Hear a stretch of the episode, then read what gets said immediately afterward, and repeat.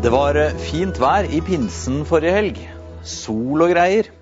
Mange av oss tok årets første bad, og jeg ble litt solbrent på brystet, selv om jeg ikke ville innrømme det da Veronica sa det. Ja, og så er det pandemi i verden, da. Hongkongs siste håp er i ferd med å slukes av det totalitære kommunistregimet i Kina, og så ryker alle sikringer i USA. Den helt forferdelige videoen av drapet på George Floyd kommer, og så kan vi ane, selv om jeg overhodet ikke har forutsetninger til å for forstå det fullt ut, smerten bak sinnet videoen har vekket hos mange. Og så blir liksom nyhetene enda en gang denne våren som en dystopisk TV-serie med opptøyer, plyndring og brennende bygninger. Og så har jeg sittet der, da, med grillmat i munnvikene og tenkt disse amerikanerne. Så polariserte de er, så rasistiske politifolk og så mange pøbler blant demonstrantene. De må skjerpe seg! Akkurat som jeg tenker når jeg leser om ungdommer som tenner på biler, bedriftsledere som underslår penger, eller såkalte influensere som sprer dårlig selvbilde hos tenåringsjenter. De må skjerpe seg! Men jeg er jo ikke sånn. Jeg har et respektabelt, veletablert liv. Hvordan eh, er det med deg? Dine dårlige sider, er de også mer usynlige? Vi begynner i dag en serie gudstjenester vi skal ha inn mot sommeren, der vi grunnleggende spør oss hvordan vi mennesker formes til å bli de vi er skapt til å være. Eller det samme med andre ord, hvordan ser det ut å følge Jesus Kristus i 2020? Neste søndag skal vi se på våre erfaringer av Gud, hvordan de former oss. Deretter skal vi se på praksiser som vi lever i og former oss. Men i dag begynner vi enda mer grunnleggende. Vi skal se på selve kjernen, hjertet. Det som på gresk-kristent kalles evangeliet. Med tre spørsmål. Hva er evangeliet egentlig? Hvordan virker evangeliet egentlig? Og til slutt, hvordan kan jeg vite at det er evangeliet og ikke bare noe som ligner. Så vi begynner med hva er evangeliet egentlig?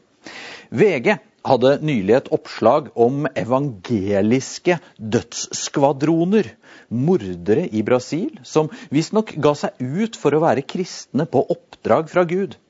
Sannsynligvis er det ikke mulig å være mindre evangelisk enn å være med i en evangelisk dødsskvadron, hvis det faktisk fins. Men rund firkant, liksom. Men hva er evangeliet, da? I en annen krisetid, andre verdenskrig, skrev den engelske forfatteren C.S. Lewis boken 'Screwtape Letters'. Og i den forteller en seniordjevel til en juniordjevel ja, jeg vet det er et litt spesielt plott i boken, at noe av det smarteste de to kan gjøre, er å lure folk til å tro at de har forstått det. Hørt det før. Samme gamle lekse.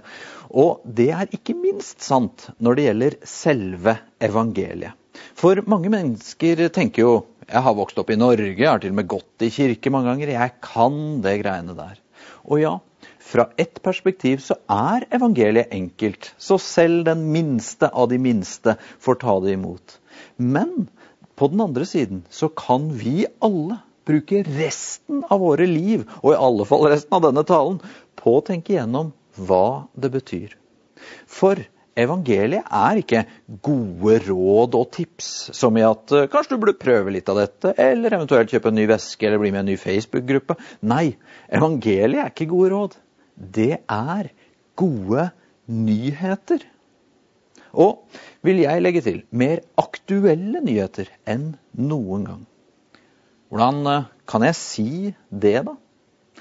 For mange mennesker opplever at uansett hvor vi søker, hvilken lykke vi for en stund oppnår og tror vi har i hendene våre, så ender vi tomhendte til slutt en av verdens smarteste og rikeste konger. Han bestemte seg for å gjøre et alvorlig og egentlig ganske moderne forsøk på å finne lykken.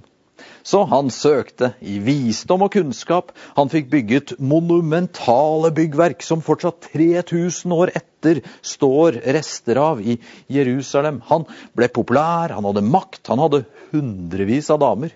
God vin og mat, og han levde høyt og hadde alt.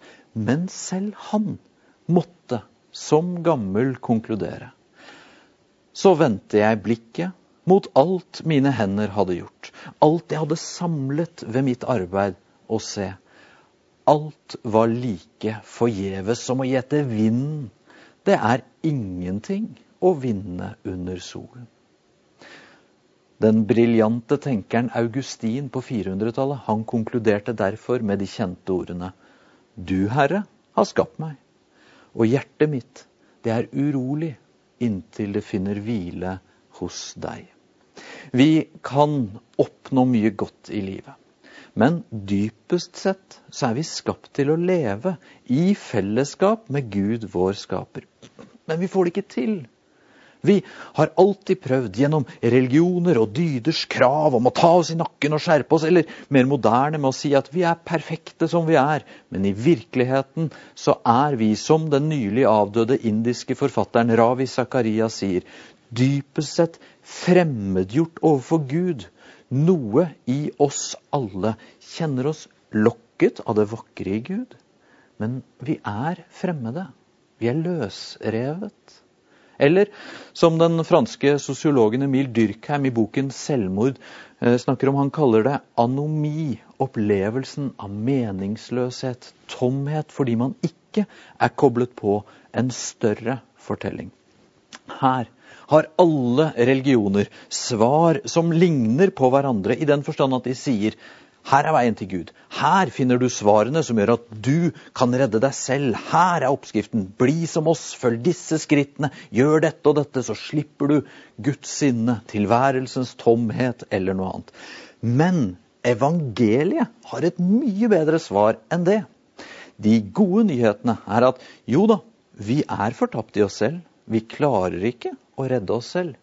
Men Jesus sier 'jeg er veien'. Ikke 'her eller der er veien'. Han sier ikke 'sånn redder du deg', men han sier 'jeg har kommet for å redde deg'. Vi mennesker har alltid prøvd å redde oss selv. Vi har alltid prøvd å ta oss sammen. Man hadde Guds lov som sa hva vi burde gjøre. Men selv da vi visste fasiten, så klarte vi det ikke likevel. Paulus sier det sånn det som var umulig for loven, siden den sto maktesløs fordi vi er av kjøtt og blod, det gjorde Gud. Så hva er evangeliet egentlig? Evangelium er de gode nyhetene om at Gud ved sin nåde alene har kommet til oss, gitt alle som vil tro, det evige livet i Gud. Det som vinner over meningsløsheten, anomien, strevet og det onde vi møter. Ok, det høres jo flott ut. Men hvordan funker det? At Gud har gitt alt dette. Hvordan former dette mitt liv i dag? Eller sagt på en annen måte Punkt to. Hvilken forskjell gjør evangeliet i livet ditt og mitt? Noen tenker at evangeliet det er barnemat. Det vi trenger, er kristendom 2.0. Vi trenger å utfordres og møte loven og sannheten som avslører synden, og som pusher oss til å bli bedre. Men da skal jeg si noe som kanskje er provoserende. Det er nettopp evangeliet som er avslørende. Når jeg sitter hjemme og ser ned på amerikanere, pøbler, bedragere eller influensere, så avslører jeg at det nettopp er jeg selv som ikke har forstått, eller kanskje riktigere uttrykk, blitt merket av evangeliet. For eh, Paulus skriver det fins ikke én som er rettferdig. Ikke én eneste. Det fins ikke én som forstår. Ikke én som søker Gud. Evangeliet insisterer på at det er ingen forskjell om man sitter trygt i Oslo med grillmaten sin med sine usynlige synder, eller om livet har skjært seg fullstendig. Professor Kate Bowler hadde akkurat fått drømmejobben sin i akademia. Hun hadde gitt ut sin første bok, som ble en stor suksess. Jeg i Norge leste den. Hun hadde fått en sønn etter å ha vært ufrivillig barnløs i mange år. Så fikk hun brått en skikkelig dyster kreftdiagnose, 35 år gammel. Og plutselig gikk det opp for henne det som har gått opp for millioner denne våren, som hun selv sa det, alles liv er bygget med papirvegger. Og når vi ser det, så blir det så mye vanskeligere å se ned på hverandre. For da sitter vi alle bak våre papirvegger. Og det skal ikke mer til enn et bitte lite virus, en brutal politimann eller en bøllete demonstrant for å sette oss ut. Evangeliet gir oss mykere øyne mot andre og oss selv, for vi gjenkjenner hverandres papirvegger. Men ok, da. Mykere øyne. Men ligger det en utfordring? Ligger det en, ligger det en forming i dette her? En uh, dame i en kirke jeg hadde studiepermisjon i New York i 2015, fortalte pastoren der om hvordan hun kom til kirken. Hun hadde flyttet til byen for å jobbe i et TV-selskap, men etter kort tid så hadde hun, som vi sier i Oslo, driti på draget. Hun hadde gjort en så gigantisk tabbe at det var karriereødeleggende. Men til hennes overraskelse så valgte sjefen hennes å legge hodet på blokka for henne. Han eh, sa til sjefene over seg at det var han selv som ikke hadde fått gitt henne nok opplæring, og at han tok alt ansvar.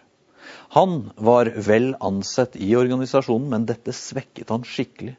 Og den nyansatte dama skjønte ikke hvorfor han gjorde det. Så hun måtte gå til han og spørre hva som foregikk. Han svarte at uh, det skulle hun ikke tenke noe mer på. Men hun ga seg ikke.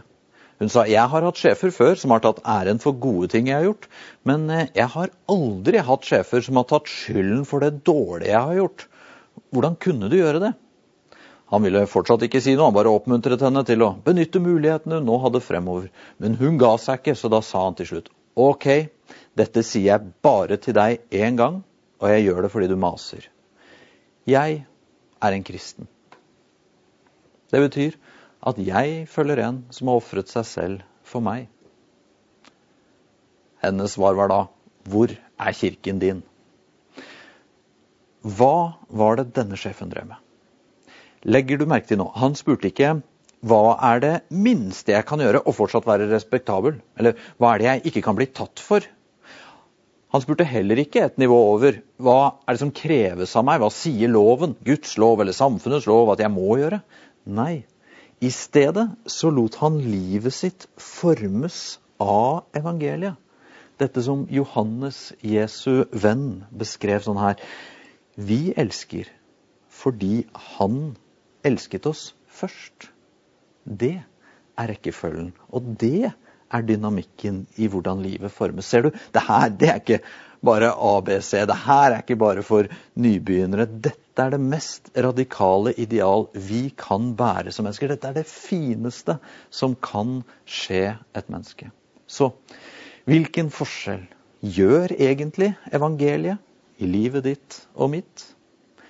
Jo, vi innser at papirveggene vi stoler på i livet, de er skjørere enn vi liker å tenke. Eller sagt mer teologisk vi er mer syndige selv enn vi evner å ta inn over oss. Men så forklarer også evangeliet oss at vi er høyere elsket enn vi noen gang kan forstå. Og møtet med den kjærligheten, den former hvordan vi ser på andre og oss selv. Så til slutt punkt tre. Hvordan kan vi vite at det er evangeliet, og ikke bare noe som ligner? Skal si noe alvorlig nå, for Jesus sa noe som kan høres skremmende ut. Han sa, 'Trang er den porten, og smal er den veien som fører til livet.' Å leve og formes av evangeliet har grøfter på hver side av veien som vi lokkes til å gå på. Jeg vil kalle de moralistgrøften og tilpasningsgrøften. Og vi kan begynne med moralistgrøften først. Når noen har det vondt rundt deg, ikke fysisk, men inni seg, så kan de møtes av en type sånn moralisme, eller misforstått streng kristen tro, som sier du har det sånn fordi du gjør noe feil. Du må omvende deg fra syndene dine. Nå tror jeg, som sagt tidligere her, at vi alle er syndere, og det faktisk er godt for oss å omvende oss fra syndene våre hver dag. Men likevel, eh, en moralist vil møte en som har det vondt med å si vi må finne ut hva du gjør feil. Du må omvende deg. Dette handler om oppførselen din. Den andre grøften, tilpasningsgrøften, den oppleves mye mer moderne. Og det sier til den som ikke har det bra, det må være fordi du ikke liker deg selv nok. Du må bare passe på å bare omgi deg med folk som bygger deg opp, som bekrefter deg, som gir deg positiv energi. Altså, moralisten sier 'omvend deg', fokuser mer på hvordan du oppfører deg. Mens den moderne tilpasningsgrøften sier 'kos deg, vær god mot deg selv', fokuser på følelsene bare. Imellom her er den smale veien evangeliet. Evangeliet fokuserer ikke primært på oppførsel eller følelser. Evangeliet fokuserer på hjertet. Er du på et dårlig sted i livet ditt, så er det sannsynlig at du har noe som har blitt som en gud for deg, en frelser, og dette noe har så sviktet deg det kan være drømmen om å være populær, smart, pen, rik. Det kan være mange ting som lurer hjertene våre. Men evangeliet sier at du kan jobbe med ikke primært oppførselen eller følelsen, men å se inn i evangeliet. At Guds kjærlighet til oss, det er at vi er elsket først. Og fordi vi er elsket, så formes livet vårt. Så får vi mykere øyne mot andre og oss selv. Og så dras livet mot den høyeste av alle idealer, kjærligheten selv. Og da unngår vi moralisme og tilpasning, selvutslettelse eller selvsentrering. Vi blir de vi er skapt til å være, formet av Guds kjærlighet til oss. Det er evangeliet.